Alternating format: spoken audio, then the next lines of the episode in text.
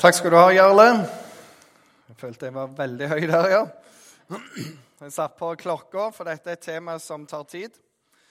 Eh, hyggelig å høre det. Det er rart hva en tenker om seg sjøl, så det er kjekt å høre litt andre ting fra andre folk. Jeg vet ikke om du kan ha det sånn, men eh, hvis du kommer fra Norge, så er liksom ikke ydmykhet problemet, tenker jeg.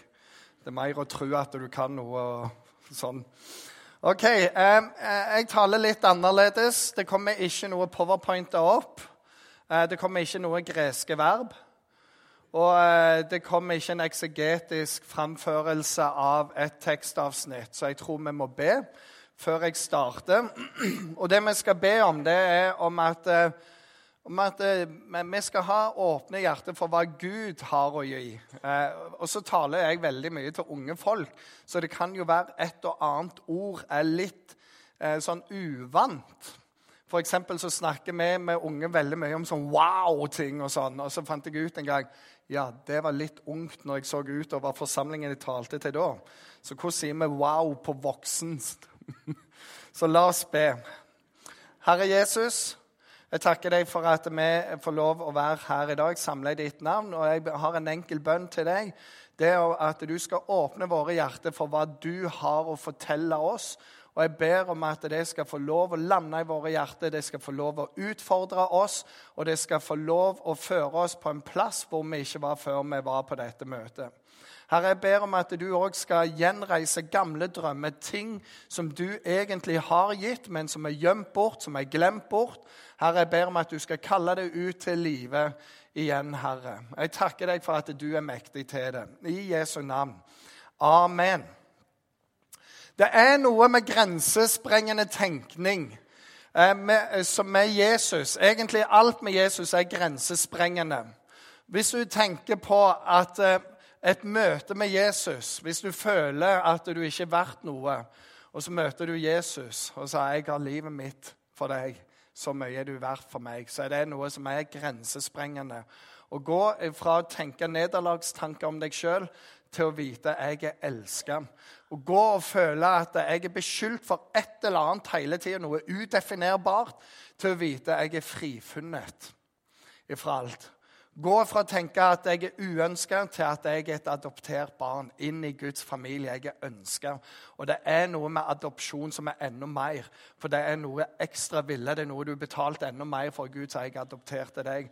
Når du vet sånne ting, eller du går og bærer på en syndeskyld, en skam og så opplever du Guds tilgivelse over livet ditt, som bare er radikal og setter deg fri. Det er noe grensesprengende som skjer i tankelivet ditt. Det er ei side av det å vandre med Gud.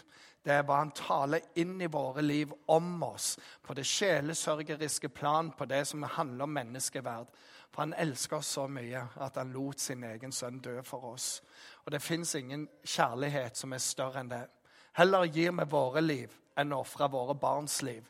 Men Gud valgte å ofre sin sønns liv for at du skulle gå fri, for at du skulle være elsket, for at du skulle være tilgitt. Hva er mer grensesprengende enn det? Hva er mer grensesprengende enn det? En annen ting som er òg, det er at um, Gud har et større perspektiv for livet ditt enn hva du har sjøl. Det er et annerledes. Men det, det begynner med å møte Jesus. For den kristne tro, det er en relasjon. Og så ender det opp i himmelen. Og så får vi lov å koble oss på Guds plan for våre liv. Og så er den planen annerledes, og den er større, og den er rikere. Og Det som er fantastisk med å leve med Jesus, det er at du ut ifra hvor enn du er, så kan du få gi det du har, til han. Så kan du koble på det du har å koble på med. Og så tar han imot deg en dag. Arle Edvardsen han var pioner. Han forteller dette at kona hans slutta å undre seg og slutta å få sjokk den dagen han ringte til henne og sa nå har jeg kjøpt en dal. Og Hun sa det var såpass stort sjokk at hva enn han gjorde etterpå, så var det ikke et sjokk. Det var bare Arild som gjorde et eller annet. Så bare gjør noe som er vilt nok, så de blir vant med dette her. Jeg får lov å lede et arbeid som heter Touchpoint, som er fra 18 år og opp igjennom. Eh, vi samlet nok en 150 på snittet her i byen. Vi er i fire byer. Vi samler rundt 500-600 mann på det jevne nå. Vi har holdt på i tre år. Vi tror vi har bedt til frelse med over 60 stykk. Det har vært utrolig mange også som har vært på vei vekk fra Gud, vekk fra menighet, som nå er kobla på Gud og, og, virkelig er i tjeneste og lever livet for Han. Og I Touchpoint så er det bare en sånn strekking hele tida, der folk de er ikke særlig overgitt lenger av hva som kommer fram på det bordet der. Vi sa vi lever med drømmen om å spre dette arbeidet til i hvert fall ti byer. Fordi når du sender dine barn vekk til en annen by for å studere eller jobbe, så vil vi at det skal være minst ett mottaksapparat med Jesus i sentrum som er så bra at de bare blir hekta på dem. Sånn at du skal være trygg for dine barn. Det er noe av greia der. Vi gikk til Eilif Tveit, som er misjonssekretær i Misjonsforbundet, og sa vi vil at alle disse skal være kobla på misjon ute i andre land òg. Hva har du å si? Og så tenkte jeg han ville si ja, vet du hva, det er ikke så mange som fokuserer på Polen, så hvis dere tar Polen, eller blir med i Romania, for det skjer mye i Romania, eller han sa Kina, der er det veldig mye som skjer, og Colombia, eller hva som helst, så sier han noe som bare var helt sånn Han sier det. Vi har en finanskrise som er uten endestykke i Europa. Og Når du ser på den unge generasjonen som vokser opp, så er det en generasjon som på mange måter er uten håp. Det er veldig vanskelig. Og det kan fort brygge opp til revolusjon. Dette var før alle disse terrorgreiene vi ser nå. Så sier hva med istedenfor å tenke tradisjonell misjon, tenkte at vi bare planta touchpoint rundt omkring i alle strategiske byer i Europa. For en sånn som meg så var det grensesprengende. Det fortsatt er det. Men jeg lar meg inspirere av det. Og så handler det aldri for meg om hva jeg holder på å bygge mitt arbeid. Jeg bryr meg katten. Men det er interessant hvis vi kan vinne folk rundt i hele Europa for Jesus. Det er interessant å se unge i dag som er kristne. De kan engelsk stort sett, de kan Hillsong stort sett. Og plutselig får vi en helt annen global forståelse av hvordan vi kan leve og drive. For du, Kan du gitar, så kan du spille i hele Europa. Kan du synge på engelsk, kan du synge i hele Europa. Kan du skru et digitalt bord, så kan du skru hele Europa. Og plutselig kan vi gjøre en helt annen misjon. Vi kan nå til den unge eh, generasjonen, som igjen kan nå inn til sine kulturer der de kommer fra. Det er en helt annen måte å tenke på. Vi ser det med noe, og plutselig kan Misjonsforbundet i Norge være med på det òg. Det er grensesprengende.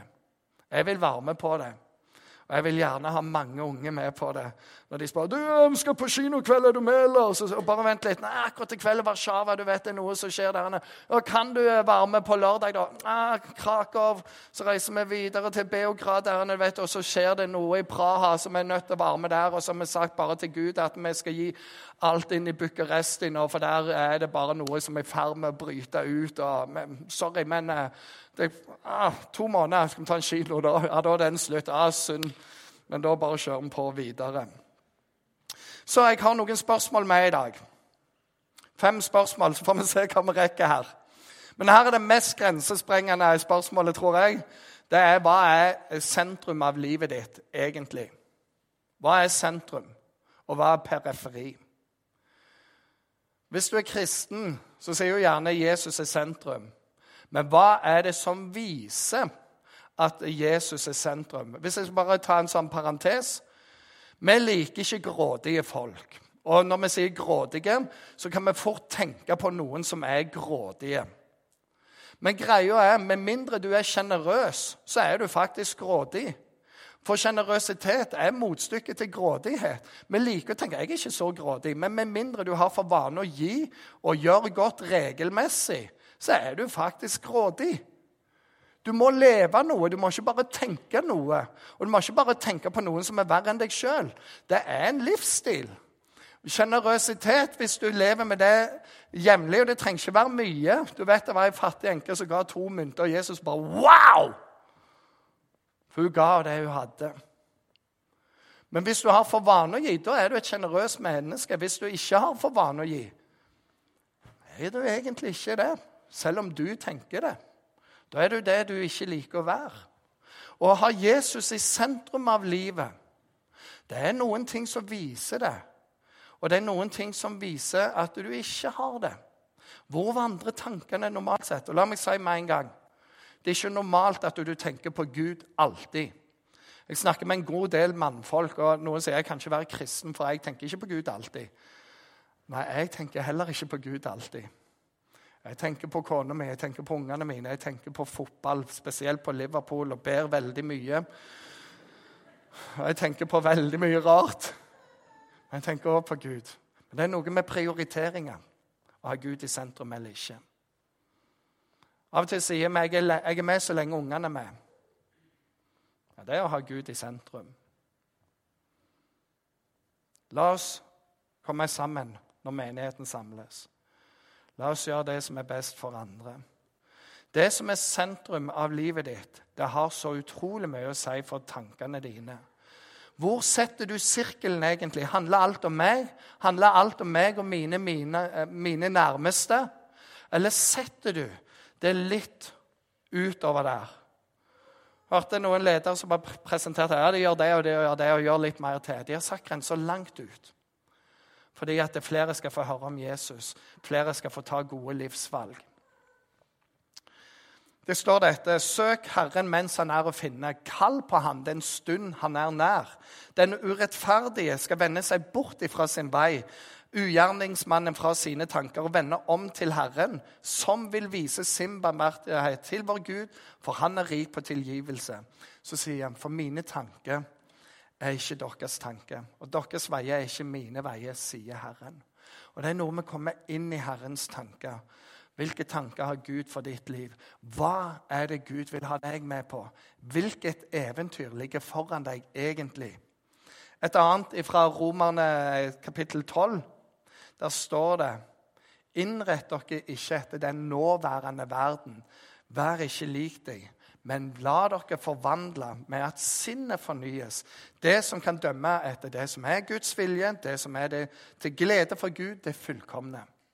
Ikke innrett dere sånn som alle de andre. Hvis naboen har, så trenger ikke du å ha. Hvis de andre ønsker seg noe, så trenger ikke du å ønske deg det. Du må ikke gå på det, du må ikke ha det, du må ikke bygge det. Du kan være annerledes. La sinnet være vendt mot det som er der Gud er. Hver morgen så står jeg opp. Det kan høres veldig fromt ut, dette her. Jeg liker å fortelle om alle mine tilbøyeligheter. Eh, men hver dag så ber jeg Gud, i dag La meg møte noen som trenger å møte deg gjennom meg. La meg få si noe som kan forløse, som kan sette i frihet. La meg gjøre noe som gjør at folk kan takke deg i kveld. Gud, la meg på en eller annen måte få være til velsignelse for noen. Så vet jeg at jeg, jeg roter det til. Men det er min bønn hver eneste dag. Gud, jeg vil leve på en sånn måte at noen i kveld takker deg for meg. Ikke på grunn av meg, men fordi jeg ønsker at Jesus skal skinne gjennom mitt liv. For han er mitt sentrum. Men hva er sentrum i livet ditt? For der vil ting kretse rundt. Neste spørsmål. Hva sikter du mot? Hvilke mål har du? Hva er det som er en retningslinje for deg? For min del så, eh, så kom jeg over eh, skriftstedet Matteus 25, når eh, Jesus forteller om at han skal skille sauene fra de andre. Og så sier han, for jeg var sulten, og dere ga meg mat. Jeg var tørst, og dere ga meg drikke. Jeg var fremmed, og dere tok imot meg. Jeg var naken, og dere kledde meg. Jeg var syk, og dere så til meg. Jeg var i fengsel, og dere besøkte meg. Jeg har lest dette så mange ganger. Og noen av disse tingene de, eh, det var sånn som det festa seg med meg. F.eks. i Stavanger, når jeg var 24 år, så fikk jeg lov å være med å starte et student unge voksenarbeid i menigheten. På den tida var det ikke vanlig å gjøre det i menighet. Det var vanlig å gjøre det tverrkirkelig. Det var et kor som het Abraham. Det var noe idrettsarbeid. Det var noe annet, og alt var tverrkirkelig. Men vi starta det og søkte å gjøre det i en menighet. Og det i løpet av tre år vokste til hver 180. Vi så hva det betydde. Det var helt sjokkerende for oss. Og En av disse setningene kom ut til oss, og det var 'Jeg var fremmed, og du tok imot meg'. Av og til tenker vi på flyktninger, og det skal vi også gjøre, og det er veldig i denne teksten. Men det er så enkelt som at når noen kommer tilflyttende og ikke kjenner noen, så er de fremmed. Og de trenger at noen tar imot dem. Og det kan være dine naboer. Det bygges ganske mye rundt i Randesund, har jeg sett. Det er noen nye som kommer her. Jeg var fremmed du tok imot meg. Narvik misjonsmenighet er mønstermenighet nummer én for dette, syns jeg. Som har vært på asylmottaket, drevet evangelisering, kjører de til kirka. Og de driver misjon i hele verden.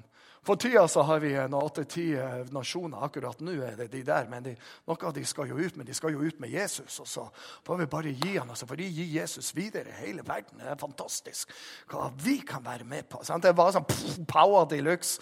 Var oppe og besøkte de. Manfred, Man, eh, Manfred eh, står stille, men han var pastor der da. Han dro meg rundt og bare hilste på alle. Bare sånn, wow! Jeg var fremmed, og du tok imot meg.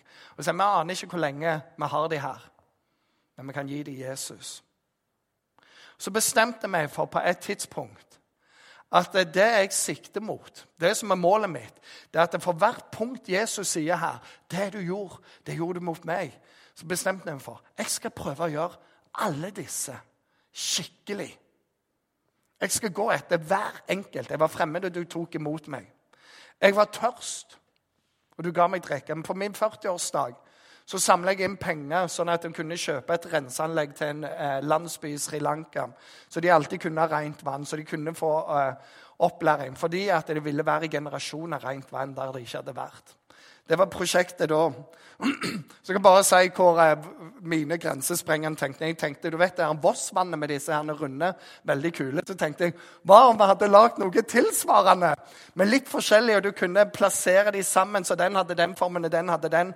og Til sammen så var det en helhet. Og så kunne du kjøpe eksklusiv flaske, og for hver eneste flaske så ga du noe til et land der vi utvikla vannsystem. Jeg har ikke gjort noe med det, men det var en kul tanke. Jeg var naken og du kledde meg.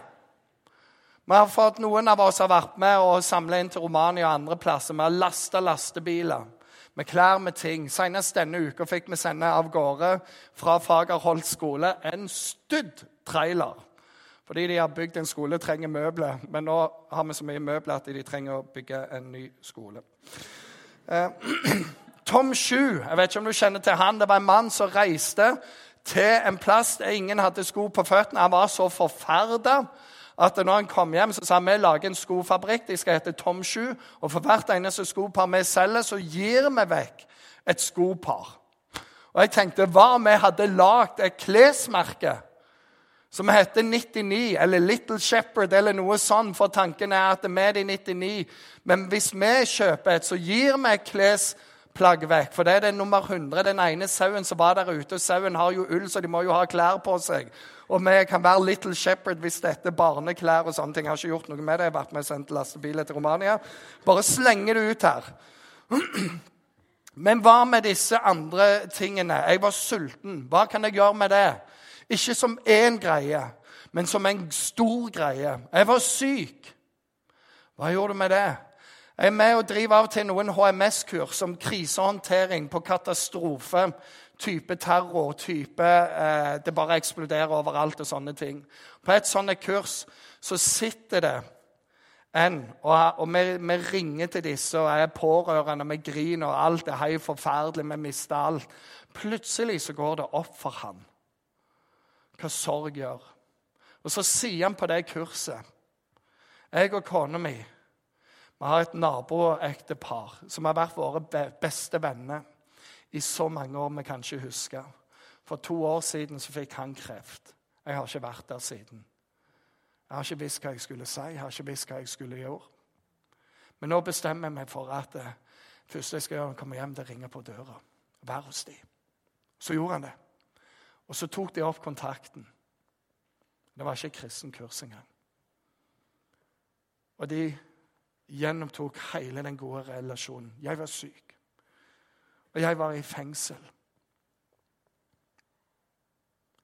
Og Greia for min del at jeg har lyst til å gå etter disse sånn at de synger etter hver enkelt av dem. Har begynt på lista. Men jeg håper det blir mye mer. Jeg håper det blir mye mer omfattende. Og så vet jeg jeg trenger Guds hjelp til dette. Og jeg trenger å være med andre, for jeg klarer det ikke sjøl. Og da tenker jeg det er nivået jeg vil legge det på. Hvis du skal klare alt sjøl, så, så, har du for lavt nivå. Hvis Gud svarer ja på alle dine bønner, så ber du om for lite. Så du er nødt til å reise deg opp. Men hva er det du sikter mot? Neste spørsmål. Hvor reiser du på tur? Vi nordmenn vi er på turtoppen i verden. Vi elsker å reise. Jeg må si jeg er en av dem. Jeg får abstinens hvis jeg er hjemme en hel måned uten å reise. Det er noe sånn yrkesskade for min del. Rick Warren, som er en veldig kjent pastor, han sier det alle kristne burde reise på misjonstur i hvert fall hvert femte år. Hvert femte år. Hvor lenge siden var det du var på en tur? Noen av dere har flaks, for dere var i påsken. Og Derfor jeg, jeg, fikk, jeg fikk betalt 100 kroner for å si dette. her. Meg er gitt all makt i himmel og på jord. Gå derfor ut. Gå derfor ut og gjør alle folkeslag til mine disipler.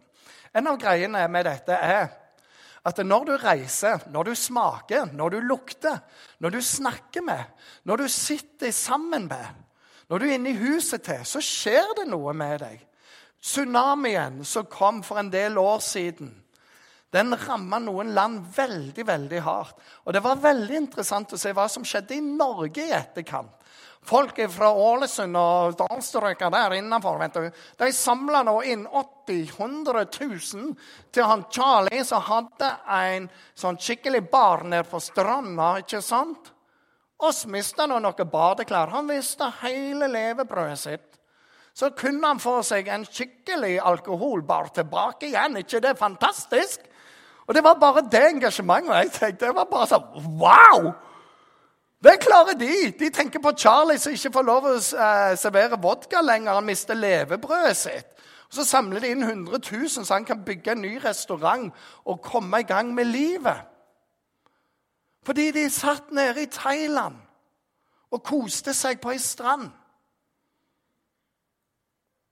Hva med ditt engasjement? Hva med mitt?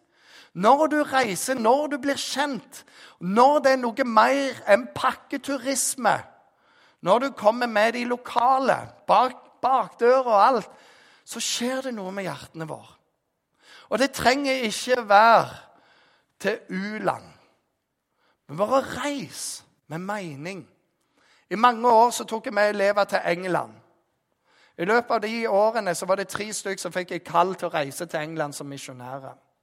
Det var andre som fikk hjerte for de menighetene og de arbeidet vi besøkte. Noen ga engangssummer, noen ga penger over ett år og to år. Noen reiste på egen hånd med andre grupper. Noen kom hjem livsforvandla. Jeg har tatt med grupper til USA. Reist på studieturer rundt omkring, sett på menighet. Noen av de kommer hjem og så har det bare endra hele tankegangen. om Hva kirke hva tjeneste hva livet mitt er. Og så har jeg bare sett hvordan de radikalt skifter spor. Og Et av sporene de, de skifter, det er at Gud flytter inn i sentrum. Og så lever jeg for Han nå. 100% Andre bare hopper inn i tjeneste skikkelig. Så jeg har gjort tusen ting, men nå skal jeg bli veldig god på disse tingene her. Og så har de vært noen av de beste arbeiderne har hatt. Fordi når vi reiser sånn, når vi eksponerer sånn, så skjer det noe med oss. Og en av de forunderlige tingene det er hvor enn du reiser i verden, og du møter Guds folk, så skjer det en sammensmeltning. For det er jo Herren Jesus som er i sentrum. Og det er bare fascinerende å se dette. Og for min del, når jeg reiser hvor enn jeg reiser, jeg blir bare sånn Det er så mye større. Det er så fantastisk. Overalt så har han folk som lever for han, og som brenner for å nå ut lokalt. Så Reis hvor enn du vil. Reis mye. Vi skal eh, til Danmark i helga, tror jeg. Eh, det er fantastisk. Det er også, vi skal ikke innom en menighet denne gangen. Det er lov. Men av og til hva om du legger inn med jevne mellomrom, og så ber du denne bønnen? Gud, her er jeg. Utfordre meg. La meg se det du ser. La meg høre det du hører. La meg kjenne litt på den nøden du har. La mitt hjerte slå med de som står her. Se hva som skjer. Bare se hva som skjer. Det er grensesprengende. Tankene dine kan endre seg for alltid. Neste spørsmål, det er det nest siste. Hva er planen din for de neste fem årene? Det som ligger foran deg, det nærmeste nå. Det var en som sa det sånn 'Hva har du tenkt å gjøre i dag?' Og så sier han, 'Nei, du vet, i går så gjorde jeg ingenting.' Jeg ble i grunnen ikke helt ferdig med det. Så i dag så fortsetter jeg å gjøre ingenting. Det var en annen som sa det sånn Det eneste som kommer av seg sjøl, det er forfallet. Resten må vi jobbe for. Og hvis du har en drøm, så koster drømmene ganske mye. Det må bare være verdt det. Hver alder, hver livsfase, hver situasjon har en mulighet i seg og en begrensning i seg. Hva om du slutter å snakke om alle unnskyldningene og begynner å gå for alle mulighetene der du er? I Stavanger misjonskirke hadde vi ei som heter Gunhild. Hun er noe for seg sjøl. Jeg sier ikke at hun skal være sånn som hun, men for ei dame. Hun var godt voksen, fikk brystkreft, og det er forferdelig. Og så sier hun Jeg lurer på hvem Gud trenger at jeg besøker på sykehuset siden dette skjer. Og så fikk hun lov å bety noe der. Det var sånn, Kjære dame, altså, hva er det for noe? Men alltid var hun på jakt etter å få være et vitne for Jesus. Og Hun fikk lov å være med i lovsang. Jeg husker jeg ledet lovsang. Eh, da var hun 75. Så når jeg spilte piano, heiv hun seg bak på Hammond-orgel, hun seg fram. 'Hva er det denne går i?' så bare satt hun og spilte med. Og hun spilte som om eh, potetene sto på kok hele tida. Hun var helt fantastisk. Men hun levde framover. Når hun døde, så etterlot hun seg en arv som hun delte mellom familie og menighet. Og hun sa at eh, en tredjedel ville hun skulle gå til sang- og musikkliv i menigheten. Det var bare sånn wow. Hun hadde en plan framover hele tida. Jeg har noen eh, bibelvers i dette her. Men, men det fins en unnskyldning og det fins en mulighet. Den ene unnskyldningen er bare å dra midt inni det. Det står i Lukas 14. Jesus forteller en historie. Han sier det er et gjestebud. Inviter alle, så sier noen jeg har kjøpt fem par okser. Jeg må ut og prøve dem. Vær vennlig og ha meg unnskyldt. Jeg har kjøpt et jordstykke. Jeg må ut og se på deg. Vær vennlig og ha meg unnskyldt.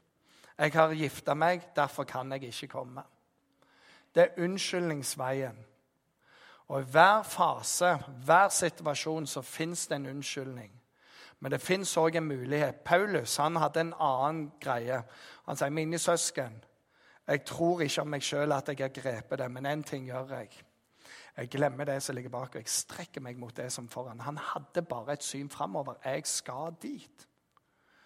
Og i forskjellige faser så skjer forskjellige ting. Men hva har du for meg nå? Bill Hybels, Willow Creek sin eh, grunnlegger og, og, pastor, han fortalte dette på en, en eh, samling. Hvert femte år så samler han den gjengen som han startet Willow Creek med, noen av sine gode venner fra barndommen. Og når de runda 60 år, de fleste av de, begynte å bli litt grå i håret, så var de samla på en sånn fin middag. Og så sa de ja, ja, om fem år så møtes vi igjen. Og så satt de godt rundt der. Hvem er den første som kommer med rullator? Og så, 'Det er vel du!' 'Nei, det er vel du!' Ok, hvem er den første? Og så bare tok det ene og det andre. Det ble mye verre etter hvert. dette her. Det var ikke måte på hvor ille det kom til å gå. Og så pekte de på hverandre. Om fem år så blir det spennende å se hvor gamle vi har blitt. Det var liksom greia. Og så, eh, etter dette hadde pågått en stund, så brøt en inn. En bare så satt der i gjengen så sa han, 'Hei, folkens, her er en annen greie.' Hva om vi bestemmer oss for at de fem neste åra skal være de mest fruktbare og mest dedikerte åra av våre liv til nå? Nå er vi 60. Når vi møtes her om fem år, Hva om de fem åra bare har gitt mer penger til Gud enn noen gang? Vi har gitt mer tid, vi har gitt mer av våre ressurser, egenskaper og alt. Hva om de fem neste åra er de vi investerer mest for Guds rike sak? Ikke nødvendigvis i posisjon, men bare i hjertet og alt sammen. Det betyr at jeg må lande snart.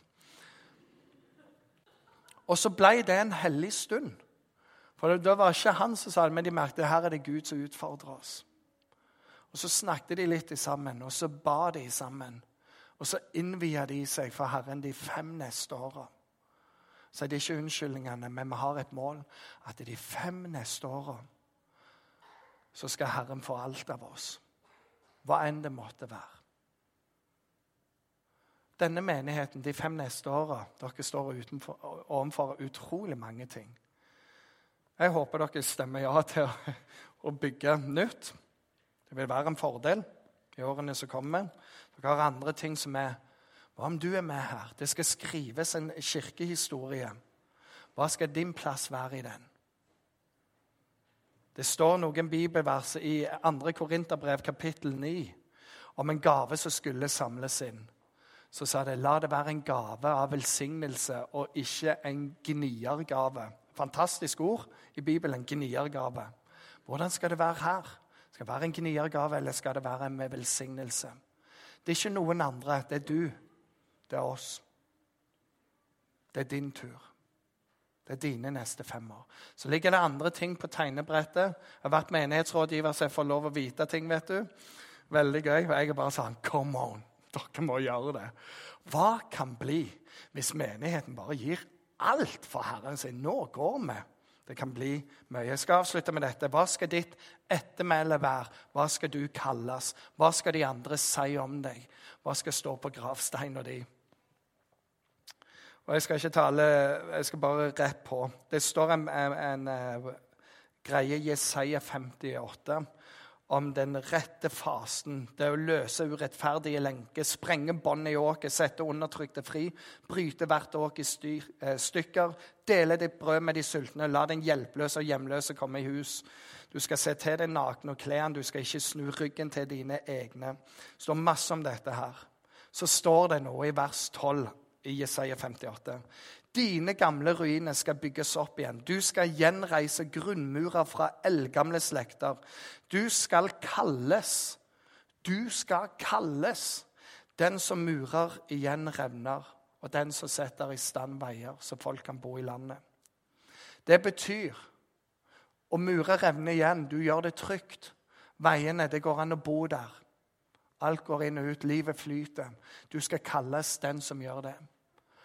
Dette har vært et vers som har fulgt meg siden jeg var 18 år. Du skal kalles den som murer revnene igjen og setter veien i stand. Og Det er en, av mine andre eh, retninger for livet. Hva skal ditt ettermæle være? Hva skal du kalles? La meg stille fem spørsmål på nytt, så skal vi avslutte med en bønn her.